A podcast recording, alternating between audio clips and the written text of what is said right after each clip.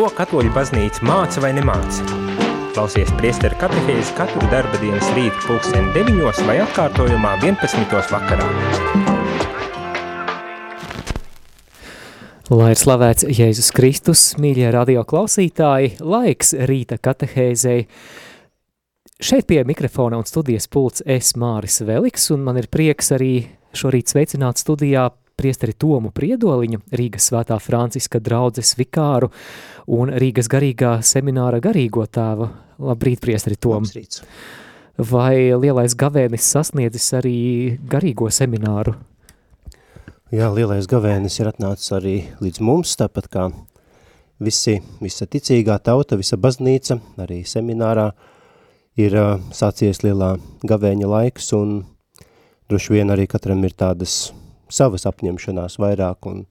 būtu tik daudz neizpaužās kādos ēdienos vai atteikšanās no kādiem konkrētiem ēdieniem, bet vairāk tādas garīgās prakses, kas ir vairāk pārdomāt, vairāk laika lūkšanai un arī, kas ir īpaša, arī baznīcā ir krustaceļa lūkšana, ko arī semināra audzēkņi ar, ar vadību, ar pasniedzējiem arī šo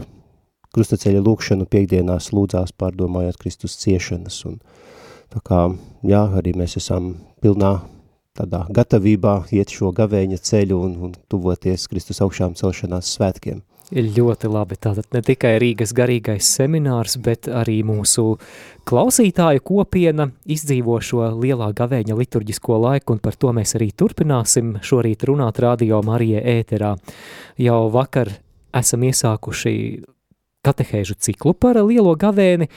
Un eh, šorīt kopā ar priesteri Tomu mēs turpināsim šo tēmu, ielūkojoties arī pāvesta Franciska vēstījumā lielajam gavēnim 2023. gadam. Runāsim arī par to,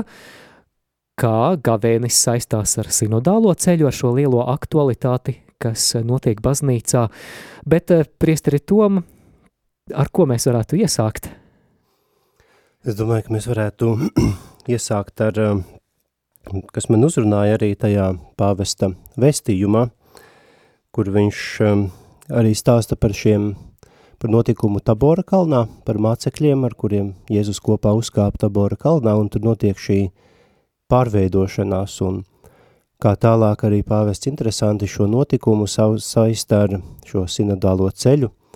kuru ir aicināti iet visa baznīca, lai atjaunotos, lai pārveidotos,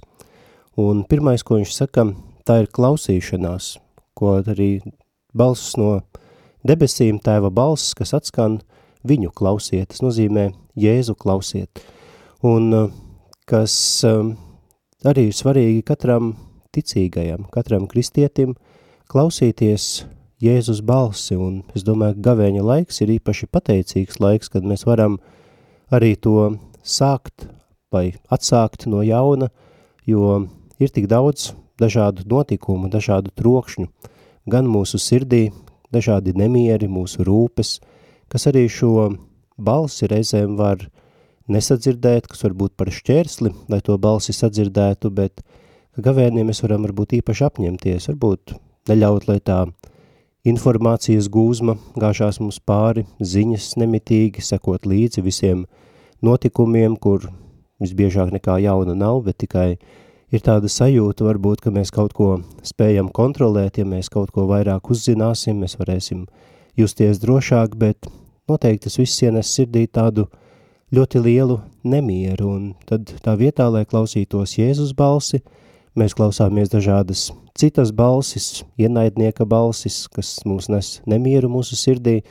bet ka varam atgriezties pie tā, lai, lai klausītos, un tas ir arī šis pirmais solis, ko pāvests uzsver, ka mēs varam sākt ar to un tālāk nonākam arī pie šī nākamā. Klausīties ne tikai Jēzu, bet arī saistībā ar šo sinodālo ceļu ieklausīties viens otrā, jo noteikti ir visbiežāk, ka mēs otru cilvēka varbūt vārdus mēs varam uztvert, mēs varam dzirdēt otra cilvēka balsi, bet ieklausīties, sadzirdēt, tas ir kaut kas vairāk nekā dzirdēt saprast vārdus, ko otrs cilvēks saka, un iejusties varbūt arī šī otra cilvēka situācijā, viņa sajūtās, viņa bailēs, ieraudzīt arī viņa nemieru, viņa emocijas un dažādas ievainojumus, ko šis cilvēks nes, un tādā ieklausīšanās, ka mēs arī varam iet kopā arī šo gavēņa ceļu, arī askēzes ceļu, atsakoties vairāk no sevis, lai varbūt vairāk mūsu balss būtu sadzirdēta, ka mums ir kaut kas sakāms, mēs gribam, lai būtu uzklausīti, bet arī ieklausīties otru, cil, otrā cilvēkā, dot viņam iespēju, lai arī viņš var pateikt, lai viņš tiek sadzirdēts un ka tādā veidā mēs arī varam šiem cilvēkiem palīdzēt būt tādā lielā mierā, jo, manuprāt, tā drošība reizēm arī no, nāk no tā, ka mēs tiekam sadzirdēti, ka mēs tiekam uzklausīti un ka varam arī iet šajā, šajā gavēņa ceļā, lai paši klausītos Dieva balsi, Jēzus balsi, kur mēs arī varam šo drošību gūt un līdz ar to arī tiem cilvēkiem, kuriem varbūt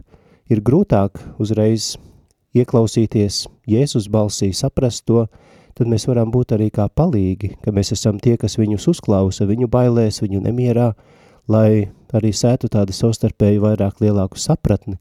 un arī lielāku mieru, lielāku tādu nosvērtību šajā nemierīgajā laikmetā, kuram, kuru mēs piedzīvojam šobrīd. Pāvests savā vēstījumā lielajam gavēnim tātad aicina mūs ieklausīties, ieklausīties gan Dievā un ieklausīties cits citā. Bet ja jau šis pamudinājums ieklausīties brālī un māsā izskan no pāvesta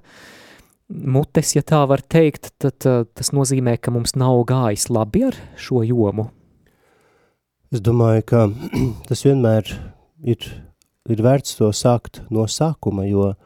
es domāju, nekad mēs nebūsim tādi perfekti tajā, lai mēs varētu pateikt, mēs tagad esam sasnieguši tādu līmeni, ka mēs klausāmies tikai Dieva balsi, un tāpēc arī laiku pa laikam ir vajadzīgs tā kā atjaunoties, un ka mēs zinām, ka visās mūsu dzīves situācijās, lai kādas tās būtu, ja tas atkārtojas, mēs kaut ko veicam tādu ilgāku laiku, tajā iestājās tāda rutīna un ir lietas, kam mēs vairs tā kā nepievēršam uzmanību, kas liekas pašas par sevi saprotamas. Un tāpēc arī gavēņa laiks ir tas laiks, kad mēs varam apstāties un kas interesanti, ka gavēņa laiks vienmēr arī ir saistīts ar pavasari, kad daba mostas, kad arī dabā ir šī atjaunošanās, kad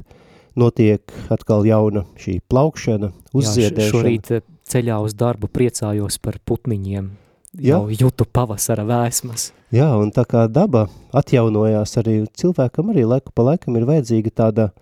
atjaunošanās, kāds jauns impulss, un pēc arī gavēņa laikā mēs to īpaši varam arī izdzīvot, ka ir šī iespēja atkal apstāties, un tur, kur mēs esam pagājuši garām, kur esam ieslīguši tādā kā rutīnā, kur mēs vairs varbūt nedzirdam Dieva balsi, vai varbūt liekas, ka mēs dzirdam, bet varbūt tā nav Dieva balss. Varbūt tā ir mūsu pašu balss, mūsu domas, mūsu vēlmes, ko mēs gribam sadzirdēt,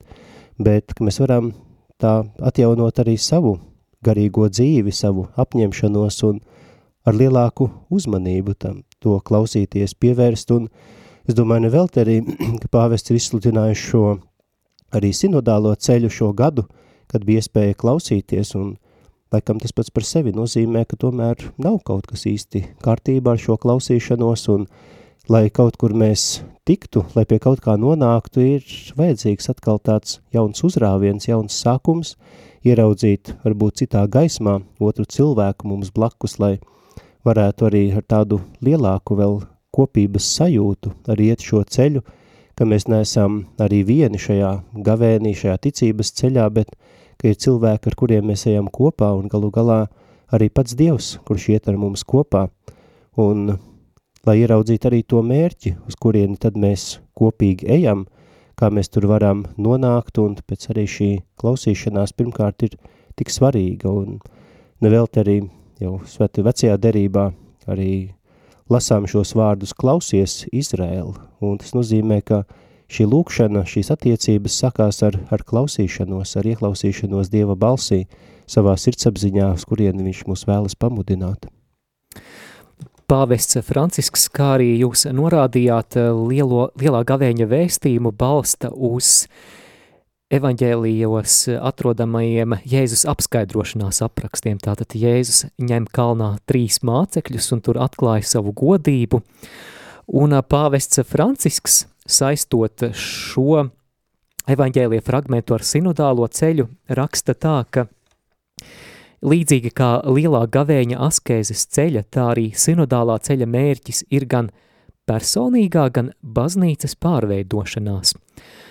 Abos gadījumos šis paraugs ir Jēzus. Jā, tātad par šo pārveidošanos, vai tiešām baznīcai ir jāpārveidojas? Jā, es domāju, ka tā pārveidošanās ir saistīta arī ar atgriešanos un domāju, atgriešanos pie tā, kāds tad ir bijis Jēzus mērķis, Jēzus vēlme dibinot baznīcu, kāds ir viņa skatījums, kāds ir viņa sapnis par to, kādai tad ir jābūt šai baznīcai, un mēs zinām, ka ir tik ļoti daudz tādu lietu, kas nav savienojams ar ticību, nav savienojams ar baznīcu, un tas ir arī uh, vajadzīgs šīs attīrīšanās laiks, lai, lai pārveidotos, lai mēs kļūtu par tiem cilvēkiem, kas tik tiešām meklē Dievu, kas nemeklē kaut kur savu labumu, savas vēlmes, kā mēs varētu apmierināt savu gribu, savas gribas piepildīšanu, bet lai varētu pārveidot savu sirdi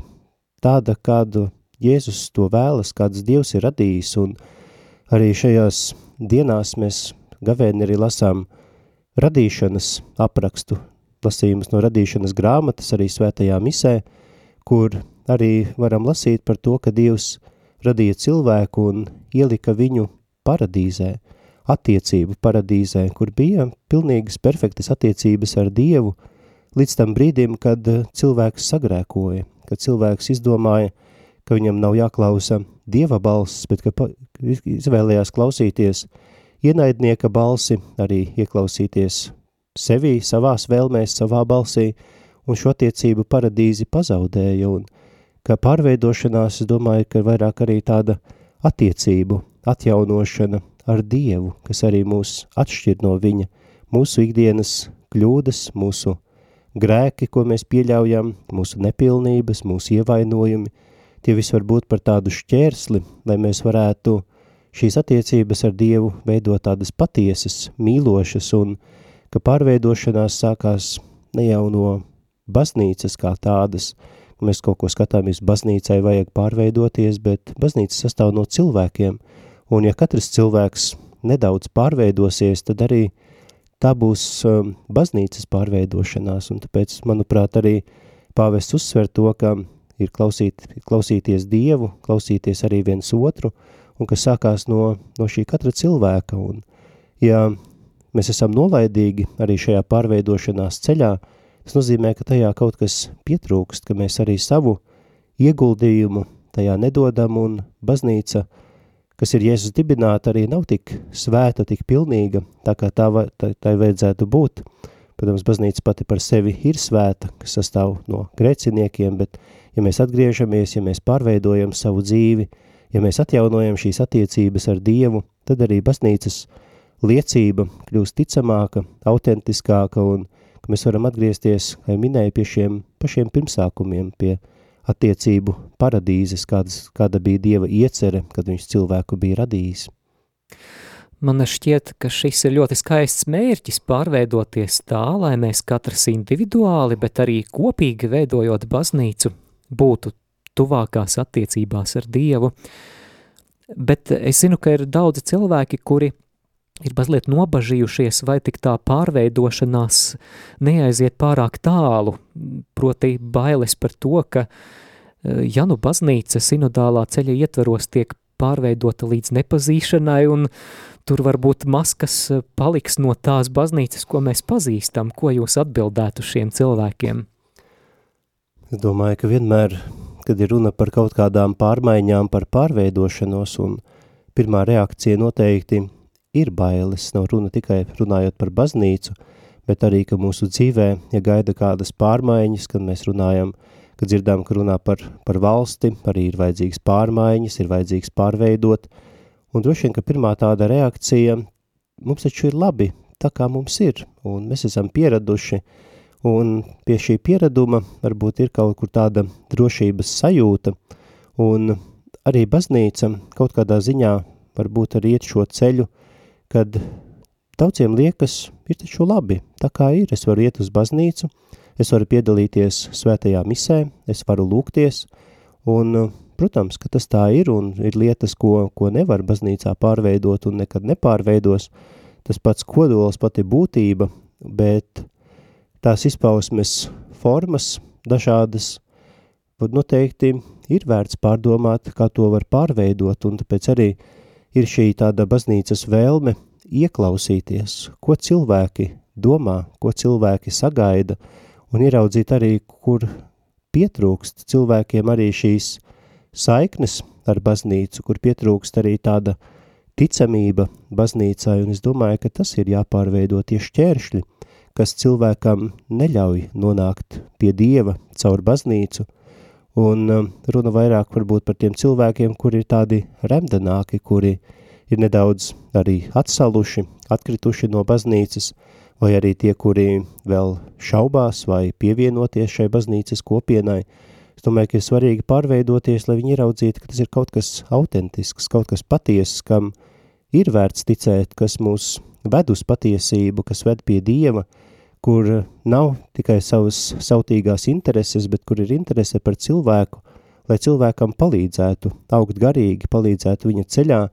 garīgajā dzīvē, un noteikti es domāju, ka tur ir daudz lietas, kur ir, kas ir jāpārveido, kas ir jāatrod šie jaunie ceļi, jaunās iespējas, kā var arī cilvēkus vest tuvāk Dievam arī caur šo baznīcas dzīvi, caur sakramentiem, caur liturģiju, un ka tādā veidā arī varam nonākt pie tā, kas ir šīs ne tikai baznīcas ilgas, bet paša Dieva ilgas, kurš, kurš vēlas cilvēkus pulcināt savā baznīcā, un vest viņus ceļā uz pestīšanu. Jā, man šķiet arī vērtīga doma, ko pāvests piemin vēstījumā šī gada gavēnim. Viņš runā par mm, vecā un jaunā attiecībām, proti par balansu. Viņš raksta, ka sinodālais ceļš ir iesakņots baznīcas tradīcijā un vienlaikus atvērts jaunajam – Tradīcija ir iedvesmas avots jaunu ceļu meklējumiem, izvairoties no tādiem savstarpēji pretējiem kārdinājumiem kā stagnācijas un improvizētas eksperimentēšanas. Jā, interesanti, te pāvis, pāvests runā par divām galējībām. Stagnācija, kad nekas neattīstās un improvizēta eksperimentēšana. Es zinu, ka liela šūmēšanās baznīcā ir par Vācijas sinodālo ceļu, kas diezgan autonomi notiek, vai, vai tas varētu būt improvizētas eksperimentēšanas piemērs? Es domāju, ka ne tikai, varbūt, ka ir arī kādas um, vietējās baznīcas, diecēzes vai, vai draudzes, kas um, varbūt kaut kādā ziņā izaicina arī šo baznīcas tradīciju, kāda tā ir bijusi, piedāvājot kaut ko citu, kaut ko alternatīvu, varbūt jaunā veidā arī mēģinot skaidrot svētos rakstus ārpus baznīcas tradīcijas, kāda tā ir bijusi, varbūt atrast kādas jaunas nianses, kā mēs to varam mūsdienu, mūsdienu situācijā, kā to varētu pagriezt, kā to varētu skaidrot, bet um, ka ir svarīgi uzturēties arī pie, pie tām saknēm, kas nebūtu nenozīmē, ka jāturās pie stagnācijas, kā to pāvests norāda, ka arī tā nav, nav laba, laba zīme, ir vajadzīga arī vienmēr attīstība, vienmēr iet uz priekšu, nesamierināties ar to, ko esam jau sasnieguši, arī savā garīgajā dzīvē, arī tāpat kā baznīca, un varbūt arī tādi brīži, kad baznīca ir tādā pašapmierinātībā ieslīgst, kas varbūt kādos brīžos kaut kur parādījies ir baznīcas vēsturē, tad eh, galu galā pēc tam arī nekas labs nesanāk, kad arī nav, ja nav šī tāda autentiska attīstība, un tāpat arī tie, tie meklējumi, dažādi kompromisi, kuros vēlas baznīca iesaistīties ar, ar mūsdienu pasauli, varbūt, ka pāvis domā arī to tādu improvizāciju, kas, eh, kas nav uh, sakņota tradīcijā, kas nav sakņota svētajos rakstos, bet kas cilvēku varbūt vairāk tāda vēlme pielāgoties šai pasaulē, būt moderniem, bet ne tādā veidā, kā to aicina pāvests, kā aicina baznīca, bet drīzāk pielāgoties pasaulē, ka mēs esam moderni, kā to pasaule sagaida no mums, lai abrīnotu, lai pateiktu, jā, šit, šādai baznīcai es gribu piederēt, bet um, vai tas būs ilglaicīgi, vai tiešām es nebūs tikai emociju vadīti, jā, tagad mēs šeit jūtamies labi, bet ja nav pats tas kodols, pats pamats, tad, um, manuprāt, nevarēs ilgi arī pastāvēt,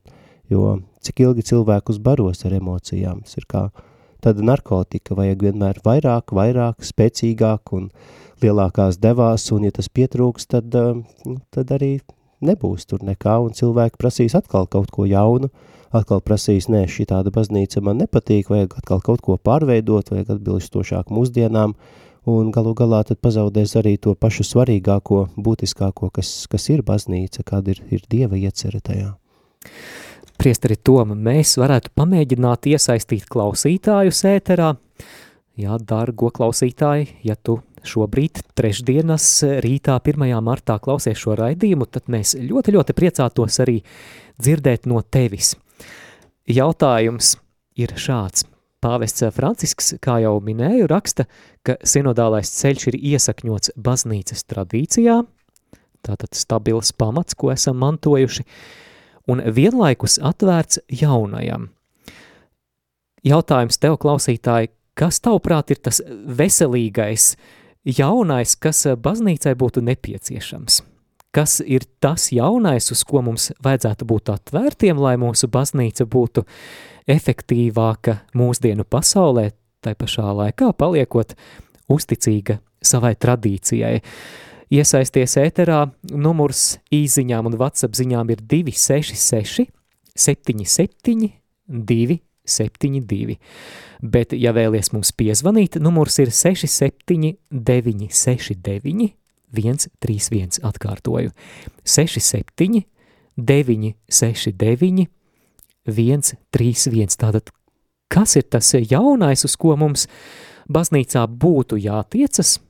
paliekot uzticīgiem arī tam, kas mums jau ir uzti, uzticēts no Jēzus Kristus. Droši, droši iesaisties ēterā, priesteri Tom arī jums šo jautājumu es pēc brīža uzdošu, bet laiks mūzikas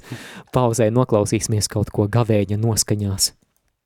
Svētais krust tev godu dodu, šeit mans kungs bija pienāklots,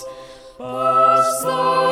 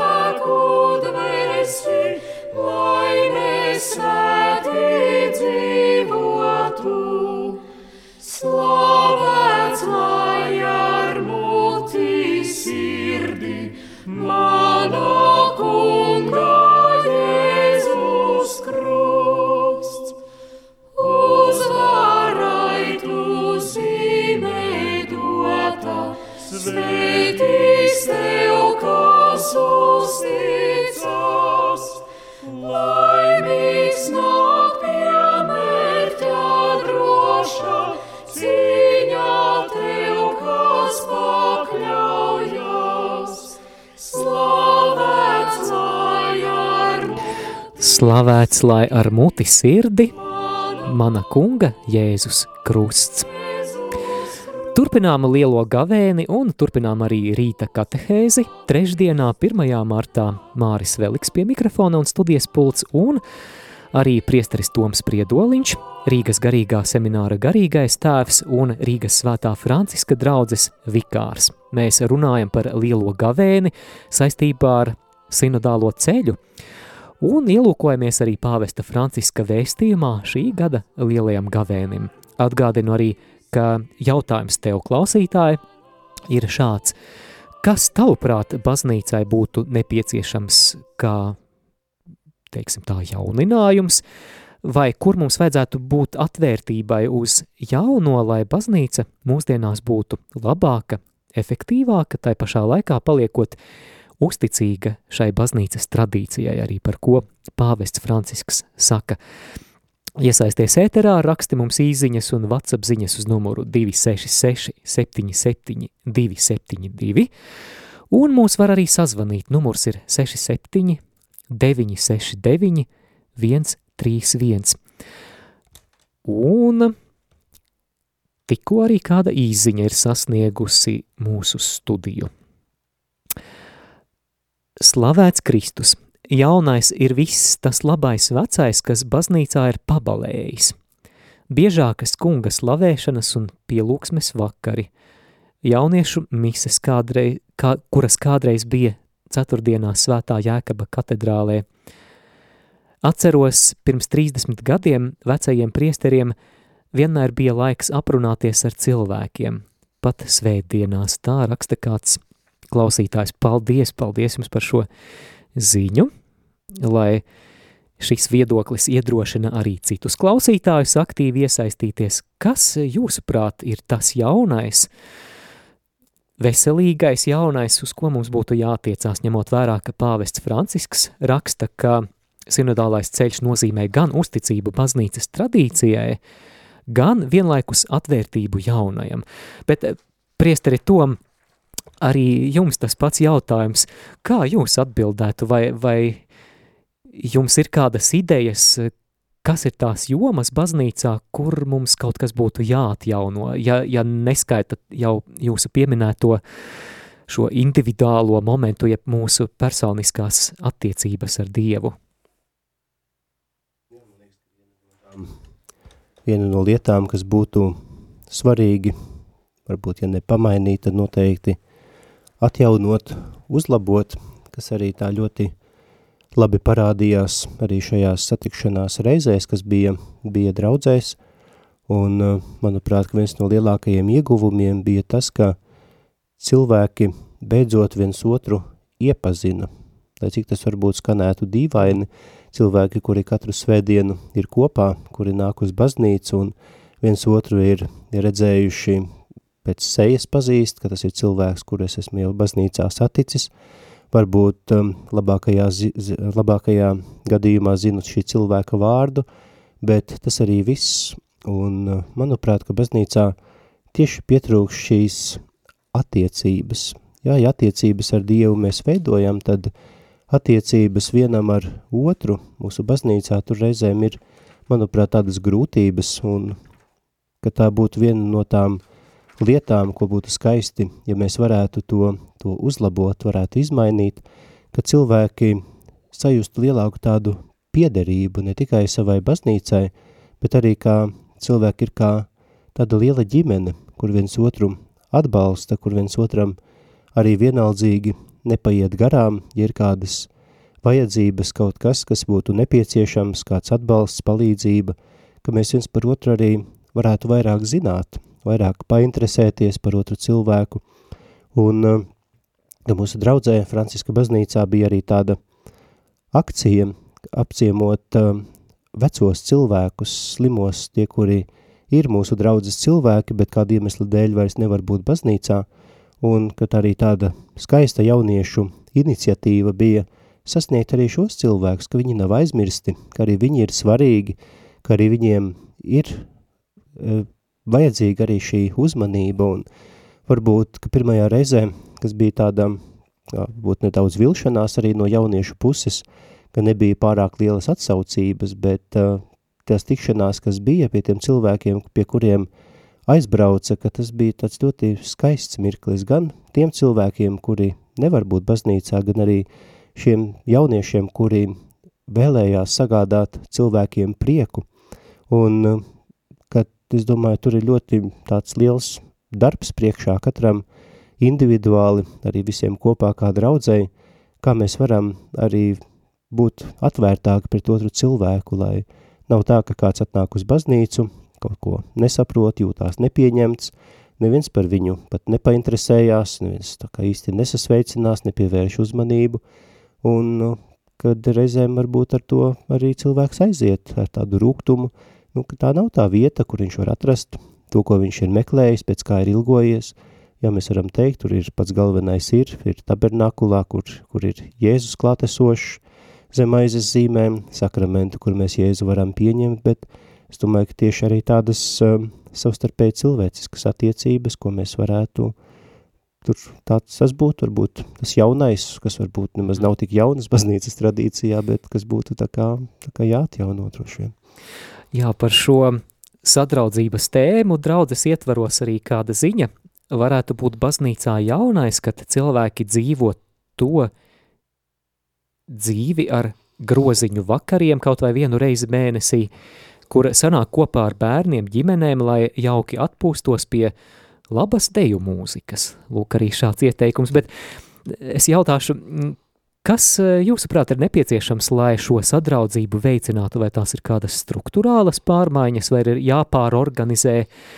draudzes dzīve, kā tā tiek organizēta, vai, vai te tikai ir jāmaina mūsu domāšana? Manuprāt, svarīgi ir tas, ka pirmkārt nesagaidīt visu no priestera, no prāvesta,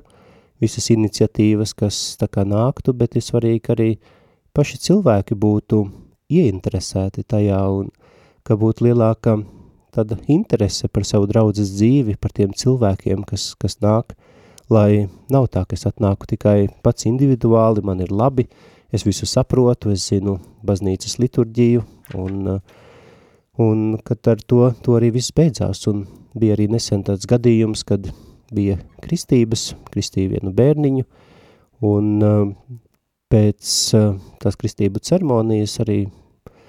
viens vīrietis pienāca teica, ka, nu, es arī esmu katolis, un es tā labprāt atsāktu nākt uz baznīcu, Viņš saka, bet es nezinu, kā uzvesties, es nezinu, ko šeit darīt, un ja būtu mm. kāds, kurš man to pastāstītu, paskaidrotu, ka es labprāt atkal nāktu, un ka tas man pietrūkst, un to es, to es vēlētos, un, un ka tāda, jā, reizēm nedrošība, un, nu, ja nebūtu šis kristības brīdis, tad varbūt šis cilvēks neatnāktu, nekad nepajautātu, bet bija izdevība būt pie priestera un saņemt drosmi arī tādu jautājumu uzdot, un, Es domāju, ka nu, priesteris nekad nevarēs visus cilvēkus aptvert draudzē, bet cilvēki tieši draudzes cilvēki, kuri, kuri dzīvo savā ikdienā starp tiem cilvēkiem vairāk, kuri viens otru pazīst un kuri varbūt zina, ka ir kādi katoļi, kad ar savu tādu attieksmi, ar ieinteresētību un, nu, kāpēc gan ne, ja tāda būtu cilvēku vēlme, kā tur tikko izziņā arī lasīja, kā sadraudzība, satikties, un kaut vai pie deju mūzikas, kāpēc gan ne, ka tas nav nekā slikta. jā, jā, ka tik mēs draudzēs spējam būt pietiekami iecietīgi pret tiem, kuri tikko ir ienākuši un kuri varbūt vēl nemāk rīkoties pēc visiem standartiem. Man nāk prātā kāda situācija, neteikšu, kur es to redzēju, bet kādā draudzē misas laikā ienāk vīrietis un nav novilcis cepuri, un tad kāds cilvēks, kurš piekalpoja pie altāra, kāds ministrants izgāja cauri visai baznīcai un diezgan skaļi aizrādīja, sakot, ka novelciet cepuri, un es tā domāju, ja šāda ir tā pirmā sagaidīšana baznīcā, es nezinu, vai vai vēl šis cilvēks būtu gatavs nākt. Jā, un vēl trakāk būtu, ja šim cilvēkam varbūt ir kāda slimība, kāpēc viņš nevar novilkt cepuri baznīcā. Jā, varbūt. Un tas būtu mm. ievainojums tāds, ka vispār baznīcai tuvumā negribēs rādīties. Jā, esam diezgan daudz runājuši par sinodālo ceļu, un tam arī pāvests Francisks pievēršas vēstījumā lielajam gavēni, bet parunāsim arī mazliet par pašu gavēņa tēmu, par gavēņa askēzi. Mēs jau klausītājiem minējām, ka pāvests Francisks šajā vēstījumā balstās uz evaņģēlie fragmentiem par Jēzus apskaidrošanos kalnā, un, manuprāt, ļoti skaista metafora. Viņš, viņš raksta tā, ka Gavēņa laikā esam aicināti kopā ar Jēzu kāpt augstā kalnā, lai kopā ar Dieva svēto tautu gūtu īpašu askēzes pieredzi. Mazliet pirms tam, tik tiešām Jēzus šajā liturģiskajā laikā mūs paņem sev līdzi un aizved saurup. Tātad kāpšana kalnā, kā simbols arī tai aiziešanai saurup lielajā gavēnī, Priesteri Tom, no kā tad mums būtu jāaiziet saurup šajā lielajā gavēnī? Kas mums būtu jāatstāja kaut, kaut kur maliņā, lai šis liturģiskais laiks mums būtu auglīgs? Jā, arī pati tā kāpšana kalnā, kas mēs zinām, ka tā prasa tādu piepūli, kas ir kāpuši kalnos, zina, ka vienmēr, lai sasniegtu šo kalna virsoti, un bieži vien ir um, diezgan tā stipri sevi jāpārvar, ka tas nav tā viegli, uh, pastaigāties gar pludmali lēnām, bet tur ir vajadzīgs arī tād pielikt pūles, pielikt savu spēku, lai uzkāptu kalnā, un varbūt vēl lielāks spēks ir nepieciešams pielikt, lai mēs uzkāptu šajā garīgajā dzīvē, šajā kalnā, un tā ir šī askēze, lai mēs attīrītos no tā, kas mums traucē mūsu ceļā pie Dieva – un varbūt reizēm ir tā, gavēni tikai reducē uz tādu pārtikas nelietošanu vai mazāk lietošanu, bet, ja tas viss nav kopā ar savu sirds šķīstīšanu, arī pavests, manuprāt, to teica pelnu trešdienas eh, sprediķī, ka tam visam nebūs nekādas nozīmes, ja mēs pēc šī gavēņa nebūsim uzlabojuši attiecības ar, ar Dievu, viens ar otru, tad atteikšanās no tā visa, ko mēs gavēni atsakāmies, tam būs nulle vērtības. Un tāpēc arī pieliekot šīs pūles, ir svarīgi atcerēties to mērķi, kāpēc mēs to darām, lai mēs kļūtu tuvāki Kristum, lai atjaunotu draudzību ar viņu, lai šo draudzību stiprinātu, un pēc arī, kad mēs ieraugam tos šķēršļus, kas ir šie šķēršļi, šķēršļi draudzībai, ka tā askēze mēģināt no tā atteikties, un mēs katrs noteikti zinām, cik grūti ir atteikties no saviem ieradumiem, cik grūti ir atteikties no tā, pie kā mēs esam pieraduši ilgāku laiku, kas jau ir iesēdies mūsu smadzenēs, mūsu dzīvē, mūsu ikdienā, kad ir varbūt jauniešiem, kur ir kāds brīvāks brīdis paņemt telefonu, ne tikai jauniešiem, arī pats no savas pieredzes zinu, cik reizēm spēj šīs visas ierīces ievilkt un, un atņemt laiku, un ka pats varbūt īsti tā nepamani, ka tas ir varbūt vienu reizi, nekas, to ir viegli pēc tam pārtraukt, bet es atkārtojos kādu ilgāku laiku, tad ir grūti no tā atbrīvoties, veidot kādu tādu jaunu paradumu, un tāpēc arī mēs varam arī kāpt šajā askēzes kalnā, kur mācekļi ieraudzīja pēkšņi vienā brīdī, ieraudzīja, cik tur ir skaisti, ieraudzīja arī Jēzu citā gaismā, un Arī mūsu, būt tāds gavēņa mērķis ir ieraudzīt arī šīs attiecības, šo draudzību ar Jēzu citā gaismā, ka mums ir labi būt ne tikai tajā sabiedrībā, kur mēs esam ar cilvēkiem, ar kuriem reizēm tiekāmies un varbūt runājam ne par ko, vai arī tas um, informācijas patēriņš internetā, jā, mēs kādu apmierinājumu tur varam gūt, kādu īslaicīgu tādu, tādu iepriecinājumu, prieku, bet ieraudzīt, ka šīs attiecības ar, ar Jēzu – ka tas ir skaisti, ka mēs vēlamies būt viņa klātbūtnē, ka mēs arī ieraugot šo tādu pārveidošanos, šo sirds pārmaiņu, ka līdz ar mācekļiem varētu arī mums ir labi, mums neko vairs nevajag, un, protams, tas ir ideāls, un uz kā mēs varam tiekties, un tas nav tik viegli sasniedzams, tad es domāju, ka, ja kaut nedaudz gavēnī mums tas izdodās šo draudzību uh, atjaunot, stiprināt, ieraudzīt citā gaismā šīs attiecības, un tas būtu manuprāt, gavēņa mērķis sasniegts. Laiks dziesmai un tās laikā klausītāji arī tu vari uzdot savu jautājumu priesterim Tomam, vēlams par gavēņa tēmu vai par sinodālā ceļa tēmu, par ko esam runājuši šoreiz raidījumā. raksti mums īziņu vai vatsapziņu uz numuru 266 77 272 vai arī zvani uz studijas numuru 67 969 131 un atceries arī, ka paliek spēkā jautājums tev klausītāji, kas tavuprāt baznīcā ir vajadzīgs jauns, lai atjaunotu tās kalpojumu, tās misiju, vienlaicīgi paliekot uzticīgiem arī baznīcas tradīcijai. Kur tu redzi kādas izaugsmes iespējas, kur tu redzi jomas, kur uh, mums uh, būtu jābūt atvērtiem tam jaunajam, uz ko svētais gars mūs mudina. Vēlamies dzirdēt arī tavu viedokli. Bet uh, šajā brīdī dziesmas pauze, lai skan Kaspara ezeriņa dziesma, grēksūdas dziesma, mana vaina, mana vaina.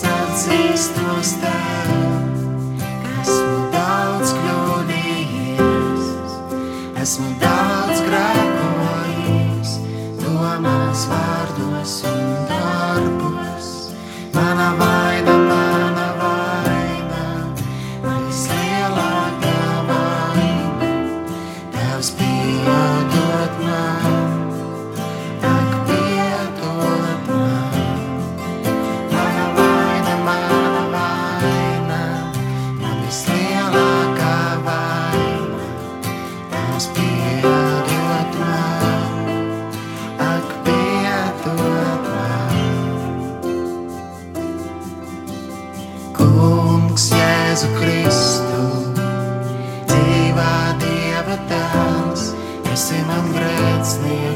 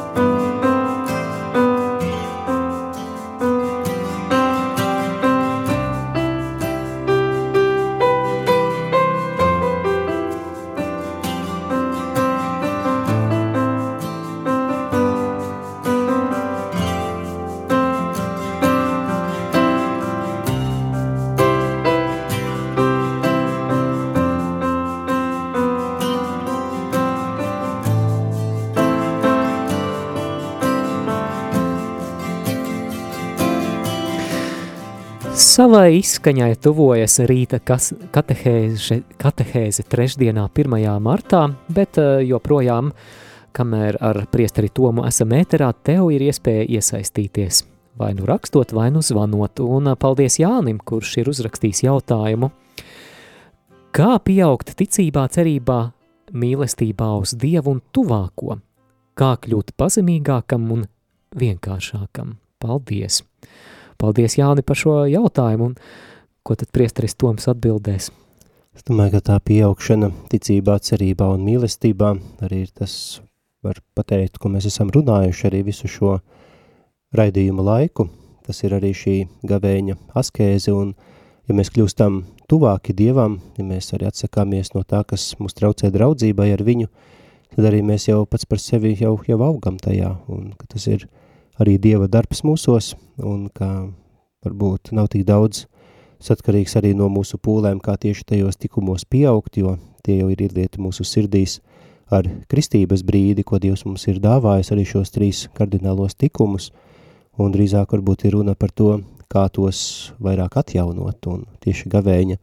askēze ir arī tā, kas palīdz mums atjaunot, palīdz ieraudzīt Dievu, palīdz ieraudzīt, ja minēju Jēzu citā gaismā, ka mums varam pateikt, ka ir labi būt kopā ar viņu, un kad arī mēs tad augam arī šajos, šajos tikumos un arī attiecībās ar Dievu, un runājot par pazemību, kā kļūt pazemīgākiem, tad droši vien svarīgi ir saprast, kas tad pazemība ir, ko reizēm mēs varbūt pārprotam un izprotam tā diezgan izkropļoti, ka pazemīgs cilvēks ir tas, kurš nekad neiebilst, kurš nekad necīnās par sevi, kurš visu pazemīgi pieņem, kurš vienmēr klusē, nekad neko nesaka, tā nav īstā pazemība. Pazemība ir uh, vispirms patiesība par pašu cilvēku, ka es apzinos, ko es varu, apzinos savas spējas, ko Dievs man ir devis, apzinos, kur es esmu pietiekami spēcīgs, lai es ar to arī varu darīt labu, lai es varu kalpot, bet apzināties arī savas uh, robežas, savus ievainojumus, ka es tomēr nespēju visu. Un tad, ja mēs šādā patiesībā arī esam patiesi pret sevi, nespē, ne, nemēģinām izlikties par to, kas mēs neesam, nemēģinām kaut ko parādīt, lai varbūt labs izskatītos citu cilvēku acīs, bet pieņem šo patiesību par sevi ar visām savām spējām, ar savām stiprajām pusēm, ar saviem trūkumiem, ar savu pagātni, ko, ko es nesu līdzi, ko es nevaru izmainīt, arī tās kļūdas, kas ir pieļautas, varbūt grēki, kas joprojām sāp par to, kas ir bijis pagātnē, bet ka to vienkārši pieņemt kā patiesību par sevi, ka tādā veidā arī mēs varam augt šajā pazemībā un drīzāk arī varbūt um, augt vairāk patiesībā, kas ir arī tādā, tādā pazemības kontekstā, lai varu paraudzīties uz sevi tā kā mani redz Dievs, un viņš neredz manī tikai tās uh, manas kļūdas, manus grēkus, to, ko es nespēju, bet viņš redz arī to, ko es spēju, ko viņš ir vēlējies ielikt manī, lai es to spētu, ka es to varu pieņemt un tādā veidā arī ar to varu kalpot, un atzīstot, jā, ka šeit, nu, jā, tur, tur man ir, ir robeža, tur es tālāk nevaru. Sirsnīgs paldies klausītājai Maijai. Viņa atbild uz jautājumu, ko esam uzdevuši klausītājiem. Kas, jūsuprāt, ir tas jaunais, kam mums sinodālā ceļa ietvaros jābūt baznīcā atvērtiem? Un klausītāja raksta, ka baznīcai jābūt atvērtai, lai cilvēki varētu ieiet palūkties klusumā sarunai ar Dievu. Vai ir kāds komentārs? Es pilnīgi piekrītu, tas būtu ideāls variants, bet, uh, diemžēl, ņemot vērā arī dažādus apstākļus, nevienmēr tas ir iespējams. Arī nodrošināt cilvēku, kurš vienmēr būs turklāt esošs, un ir, diemžēl, ne tikai tie cilvēki, kuri vēlas iet palūkties, ir arī citu mērķu mm -hmm. vadīti, un, ja, ja var nodrošināt draudzē, kur ir uh, kur tiešām ir baznīca atvērta, es arī esmu draudzējis kaut kur dažās kalpojis, un arī baznīca pa dienu, kur ir bijusi vaļā, un kad cilvēki atnāk, es domāju, tas ir, ir ļoti labi, es tikai atbalstu, tikai jāskatās, kā to praktiski var nodrošināt. Un šeit, nu gan, manuprāt, vērtīgi būtu, ja iniciatīva nāktu no pašu draudzes locekļu, vidus, kuri pieteiktos, ka es varu padežurēt šodien. Zinu arī, cik tas ir grūti, jo vienu brīdi, kad pašā sākumā, kad vienā draudzē sākām, bija katru dienu, varēja nodrošināt, mm. bija mhm. cilvēki sadalīts pa stundām, bet ar, ar laiku ar vien grūtāk bija atrast un tādu, varbūt tāds uzrāviens ir, tāds sprints, kad sākumā cilvēki labprāt, bet, kad tas jau kļūst par tādu ikdienu, tad, tad jau varbūt negribās, varbūt ir citi iemesli, bet ja tāda iniciatīva nāk no draudzes, es domāju, ka tas tikai, tikai atbalstu. Mm -hmm. Vēl viens ļoti interesants priekšlikums no klausītājas Lidijas. Lai slavēts Jēzus Kristus, būtu jauki vairāk dziedājumos būt kopā ar baznīcas kori. Sanāk, ka skaisti dzied koris, bet dziedājumos mēs nepiedalāmies. Kaut kā tas pietrūkst, raksta Lidija. Jā, nu, tas ļoti interesants jautājums. No vienas puses mums ir skaista koru tradīcija, ir arī ļoti labi kori draudzēs, bet tauta nedziet. Vai ir kāds viedoklis, ko darīt, vai tā, lai paliek, vai kaut kas ir jāmaina? Man jau arī vienmēr ir licies skaisti, ka var dziedāt kopā ar draudzi, un es domāju, tas arī viens otru jau tā īsti neizslēdz, varbūt ir drīzāk jautājums par repertuāru, kādu dzied, varbūt arī reizēm vienkāršāki dziedājumi, jā, svētkos varbūt var kaut ko greznāk, kaut ko tā svinīgāk, bet, bet tādā parastā ikdienas svētdienā, ka var, es, jā, es atbalstu arī tādu, atkal nākās piekrist, ka tas tā ir, un ka ir skaisti, jo tas jau ir kopīga lūkšana, nav, nav koncerts, uz kuru cilvēki atnāk, un ka cilvēki var ņemt dalību, lūgties arī ar, ar dziedāšanu, kā, jā, tas ir arī viens no veidiem, kā tādu varbūt vairāk saliedēt draudzi, kā šo kopību veidot ar tādu kopīgu lūkšanu. Kāda ziņa? Baznīcas dežurantam jābūt ar izkoptu garu. Interesanti. Jā, droši vien jāpiekrītam, jābūt cilvēkam, kurš ir gatavs pieņemt kādus svešiniekus, kas nāk uh, kam varbūt ir kādi jautājumi. Jā, neaizrādīt par, par cepuri. Jā, un vēl cita ziņa, jauninājums varētu būt arī tas, ka ik pa laiciņam sarīkot nelielas rekolekcijas ar svētību un aizlūkšanu arī grēksūdas iespēja baznīcas kalpotājiem, dežurantiem, kā kalpot labāk, pareizāk. Piemēram, pēc svētās mises un komunijas atstāt laiku lūkšanai vidēji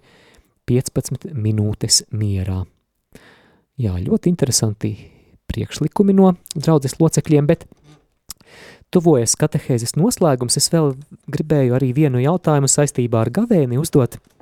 ko darīt, ja savā apņēmībā gavēt mēs piedzīvojam izgāšanos. Iet laiks, entuziasms mazinās, un mēs saprotam, ka nav vairs spēka. Es, es padalīšos arī kādā personiskā pieredzē. Pirms dažiem gadiem biju nolēmis, šodien es atteikšos no brokastīm un pusdienām, tikai vakariņas paēdīšu.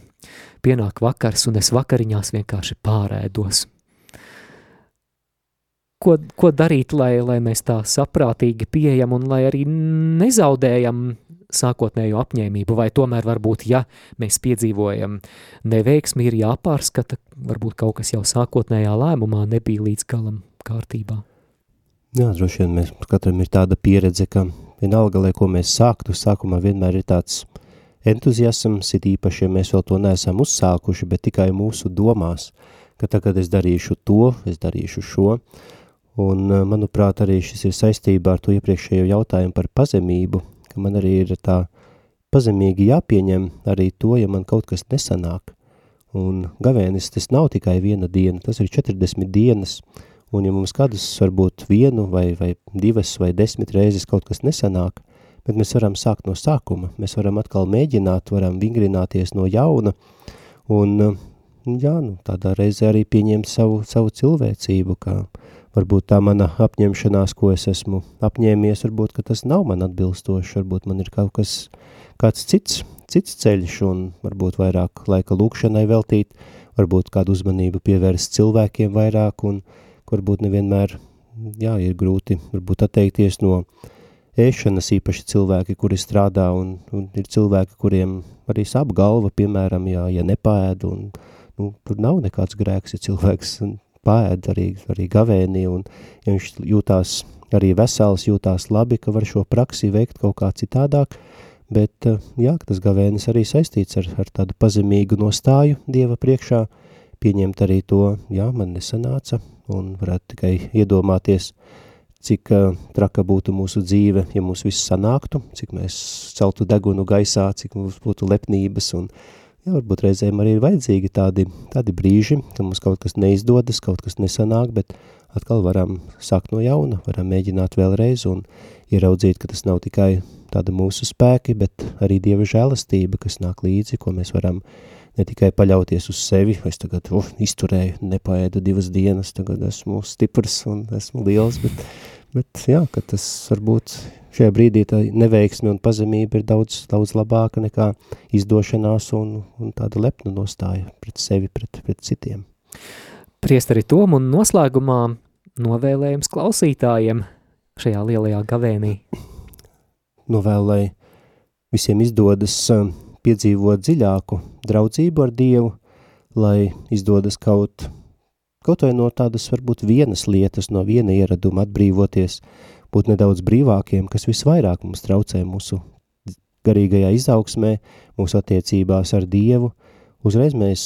pilnīgi nekļūsim vienā mirklī, varbūt visā, visā dzīvē nekļūsim tādi, tādi perfekti, bet lai katrs gavēnis ir tas, ko, ka mēs varam tādu vienu lietu izdarīt un kaut vai kļūt stiprāki kaut kādā vienā, kas mums, pa,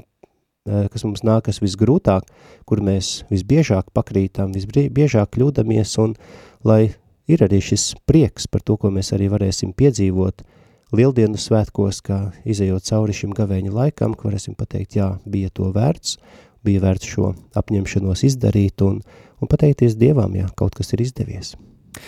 Skaists novēlējums arī no klausītājiem. Lai Dievs jūs un mūs visus bagātīgi svētī šai gavēņa laikā kļūt vēl pilnīgākiem, pārveidoties un vairāk mīlēt dodot. Nu, te jāsaka āmen. Paldies saku arī priesterim Tomam Priedoliņam, Rīgas svētā Franciska draudzes vikāram un arī Rīgas garīgā semināra garīgajam tēvam. Paldies, lai svētīga kalpošana šajā lielajā gavēnī. Paldies!